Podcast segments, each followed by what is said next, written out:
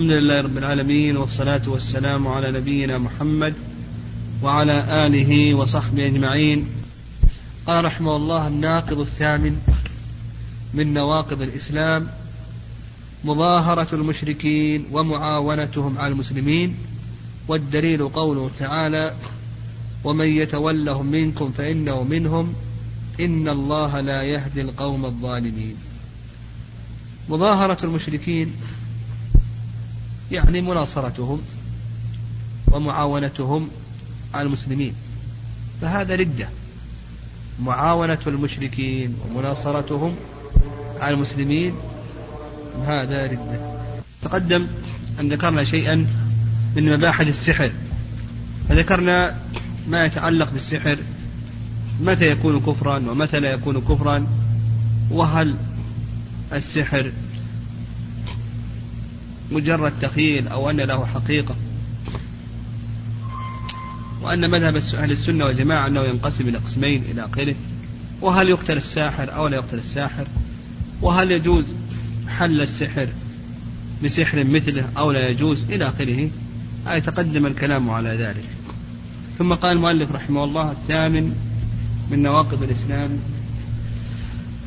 مظاهرة المشركين ومعاونتهم على المسلمين والدليل قوله تعالى ومن يتولهم منكم فإنه منهم إن الله لا يهدي القوم الظالمين.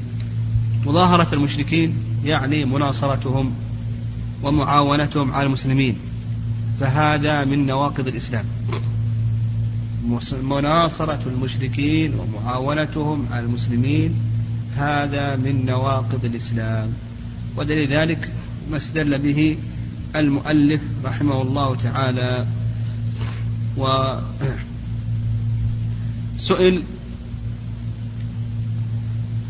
الشيخ عبد الله بن عبد اللطيف رحمه الله عن الفرق بين الموالاة والتولي.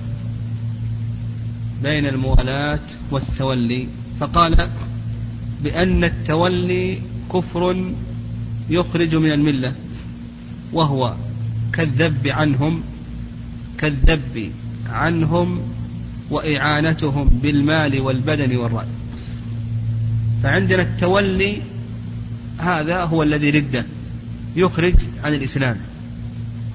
كالذب عنهم يعني كالمدافع عنهم ومعاونتهم بالمال والبدن والرأي. مناصرتهم على المسلمين بالمال والبدن والرأي. هذا ردة نسأل الله السلامة. أما بالنسبة للموالاة الموالاة أقسام كثيرة. منها ما يكون كفرا مخرج من الملة ومنها ما ما ليس بكفر بكفر. بل هو محرم. بل محرم. فمثلا من صور الموالاة من صور الموالاة التشبه بهم. التشبه بهم. هذا من صور الموالاة. التشبه بهم في أخلاقهم في ألبستهم. هذا نقول ليس كفرا. ليس كفرا. أيضا من صور الموالاة اتخاذهم بطانة من دون المسلمين. من صور الموالاة زيارتهم لغير مصلحة حضور أعيادهم التسمي بأسمائهم تعظيمهم تبجيلهم إلى آخره. فالموالاة فرق بينه وبين التولي. الذي هو ردة وكفر هو التولي. توليهم. وتولي المشركين هو كما قال الشيخ رحمه الله عبد الله بن عبد اللطيف كالذب عنهم ومعاونتهم على المسلمين بالمال والرأي والبدن فهذا ردة. أما الموالاة ففيها ما هو ردة وكفر ومنها, ومنها ما ليس كفرا ولا ردة وإنما هو أمر محرم. فيتسمى مثلا بأسمائهم هذا نقول من الموالاة لكنه ليس من التولي. إذا حضر تشبه بهم في أخلاقهم إلى آخره. يقول هذا من الموالاة إذا أيضا يجعل الإقامة في بلادهم هذا من الموالاة إلى آخره. ففرق بين الموالاة وبين التولي. وفي هذا التحذير من مناصرة المشركين على المسلمين ومعاونتهم لأن مناصرتهم ردة عن دين الإسلام. نسأل الله السلامة. قال رحمه الله الناقض التاسع من نواقض الإسلام من اعتقد أن بعض الناس يسعه الخروج عن شريعة محمد كما وسع الخضر الخروج عن شريعة موسى عليه السلام فهو كافر. وذلك لتضمنه تكذيب قول الله تعالى وأن هذا صراطي مستقيما فاتبعوه ولا تتبعوا السبل فتفرق بكم عن سبيله. الخضر رحمه الله وسعه الخروج عن شريعة موسى عليه السلام لأن موسى بعث إلى قومه خاصة ولم يبعث إلى الناس عامة ولهذا من خصائص النبي عليه الصلاة والسلام ماذا؟ ها؟ أنه أن النبي من قبله كان يبعث إلى قومه خاصة والنبي عليه الصلاة والسلام بعث إلى الناس عامة ولهذا قال الخضر لموسى لما التقى به يا موسى إني على علم علمني الله إياه لا تعلمه أنت وأنت على علم علمك الله إياه لا أعلمه أنا. الخضر رحمه الله وسعه الخروج عن شريعة محمد عن شريعة موسى عليه السلام. يعني أنه لا يتقيد بما كل بكل ما جاء به موسى عليه الصلاة والسلام من الأوامر والنواهي إلى آخره. لماذا؟ يعني ما وجب عليه اتباع. موسى عليه الصلاة والسلام في كل ما جاء به. لماذا؟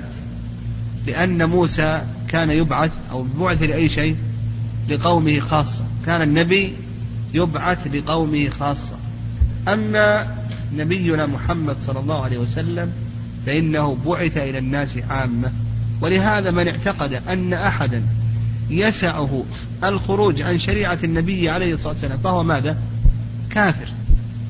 كافر. لأن هذا تكذيب لقول الله عز وجل وأن هذا الصراط مستقيما فاتبعوه ولا تتبعوا السبل ففرق بكم عن سبيله. وتكذيب لقول النبي عليه الصلاة والسلام وكان النبي يبعث إلى قومه خاصة وبعثت إلى الناس عامة. وتكذيب أيضا بقول النبي عليه الصلاة والسلام والذي نفسي بيده لا يسمع بي يهودي ولا نصراني. ثم لا يؤمن بي إلا دخل إلا دخل النار. فيجب على الإنسان يجب نعم آه، كون الإنسان يعتقد يعتقد أن أحدا يسعه آه، أن يخرج عن شريعة محمد يعني أن تسقط عنه بعض التكاليف. أو أنه ما يجب أن يأتمر ببعض الأوامر أو أنه لا يأتم ببعض النواهي نقول بأن هذا ردة عن دين الإسلام. وبهذا نعرف ما عليه أرباب الصوفية والخرافة من الخطأ والخطل لأنهم يعتقدون في أوليائهم ماذا؟ يعتقدون في رؤسائهم وأوليائهم أنهم بلغوا درجة سقطت عنهم بعض التكاليف فبلغوا درجة مثلا أنه لا يجب عليهم الوضوء ولا الغسل ولا الصلاة ولا الزكاة ولا غير ذلك فكونهم يعتقدون هذا حكمه ماذا؟ ها؟ حكمه ردة عن دين الإسلام يقول بأن هذا ردة عن دين الإسلام وثبت في صحيح البخاري من حديث أبي هريرة أن النبي صلى الله عليه وسلم قال كل أمتي يدخلون الجنة إلا من أبى قالوا يا رسول الله ومن يأبى؟ قال من أطاعني دخل الجنة ومن عصاني فقد أبى. نعم. قال رحمه الله.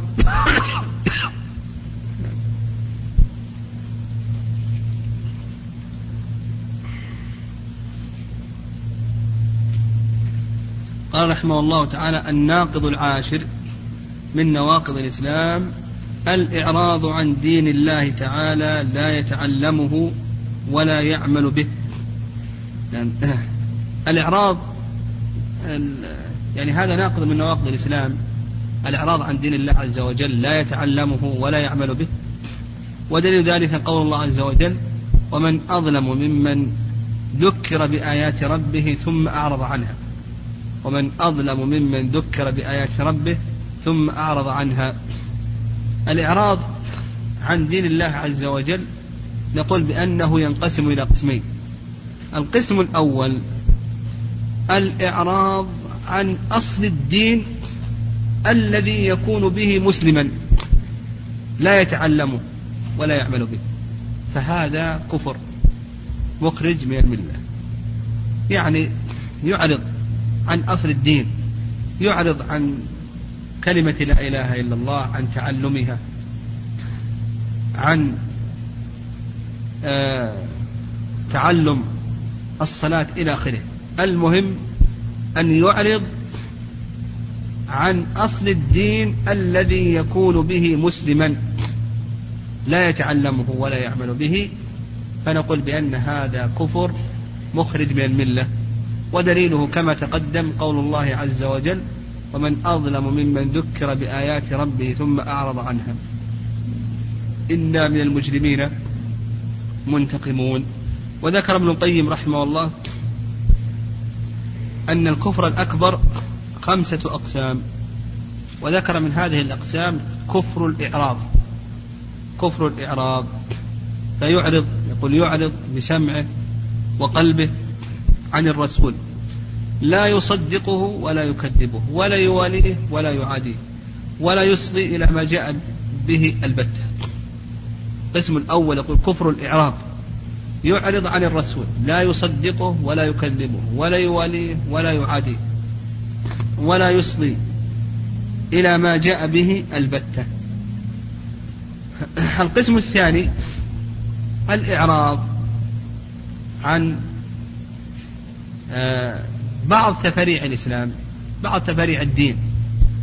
لا يعرض عن أصل الدين الذي يكون به مسلما وإنما يعرض عن بعض التفريع إلى آخره. فهذا نقول لا نقول بأنه كفر وردة. مثلا أعرض عن تعلم أحكام المواريث. أعرض عن تعلم أحكام المواريث. يقول هنا ما ما, ما يرتد. تعرض أعرض عن تعلم أحكام السنن والتطوعات. نقول هنا لا نقول بأنه ردة مخرج عن الإسلام. أعرض عن تعلم أحكام الوتر إلى آخره. لا نقول بأنه ردة مخرج عن الإسلام. قال رحمه الله ولا فرق في جميع هذه النواقض بين الهازل والجاد والخائف. إلا المكره. يقول الشيخ في ختام هذه النواقض لا فرق بين هذه النواقض كلها بين الهازل والجاد. الجاد هو الذي قصد الفعل أو اللفظ ظاهرا وباطنا. الجاد هو الذي قصد الفعل أو القول ظاهرا وباطنا. وأما الهازل فهو الذي قصد الفعل أو القول ظاهرا لا باطنا. يقول لا فرق. وتقدم أن من النواقض أن يستهزئ. ذكر الشيخ رحمه الله أن من النواقض من نواقض الإسلام أن يستهزئ بشيء مما جاء به الرسول صلى الله عليه وسلم أو ثوابه أو عقابه. ودليل ذلك قول الله عز وجل قل أب الله وآياته ورسوله كنتم تستهزئون لا تعتذروا قد كفرتم بعد إيمانكم. قال إلا المكره. وقوله والخائف المراد خوف المال والجاه. قال إلا المكره. فالمكره هذا معذور. بقول الله عز وجل إلا من أكره وقلبه مطمئن بالإيمان. نعم إلا من أكره وقلبه مطمئن بالإيمان. ولكن من شرح بالكفر صدرا فعليهم غضب من الله ولهم عذاب عظيم. ثم قال الشيخ رحمه الله في ختام هذه النواقض وكلها من أعظم ما يكون خطرا وأكثر ما يكون وقوعا. هذه النواقض وهو صدق رحمه الله. هذه النواقض من من أعظم ما يكون خطر لأن تهدم العقيدة كلها. وأكثر ما يكون وقوعا اليوم وقوع الناس مسألة السحر والذهاب بالسحرة والاستهزاء بدين الله. وأيضا بعض الاعتقادات عند الصوفية المكفرة. وأيضا الاستهزاء بدين الله عز وجل و... إلى آخره. تجد عند كثير من الناس شيء من الوقوع في مثل هذه النواقض. فحري بالطالب أن يحفظها. آه، أن يعلمها الناس أن يعلمها الناس أن يشرحها للناس وأن يبينها للناس. عموم الناس لكي يحذروها يحذروا هذه النواقض. فإن أغلى ما يملكه المسلم في هذه الحياة هي عقيدته. فإذا ذهبت العقيدة خسر الدنيا والآخرة. اللهم إنا نسألك الهدى والتقى والعفاف والغنى. اللهم إنا نسألك فعل الخيرات وترك المنكرات وحب المساكين. وأن تغفرنا وترحمنا وإذا أردت بقوم فتنة أن تقبضنا إليك غير مفتونين يا ذا الجلال والإكرام. اللهم انفعنا بما علمتنا وعلمنا ما ينفعنا. واجعله حجة لنا ولا تجعله حجة علينا. اللهم صل وسلم وبارك على نبينا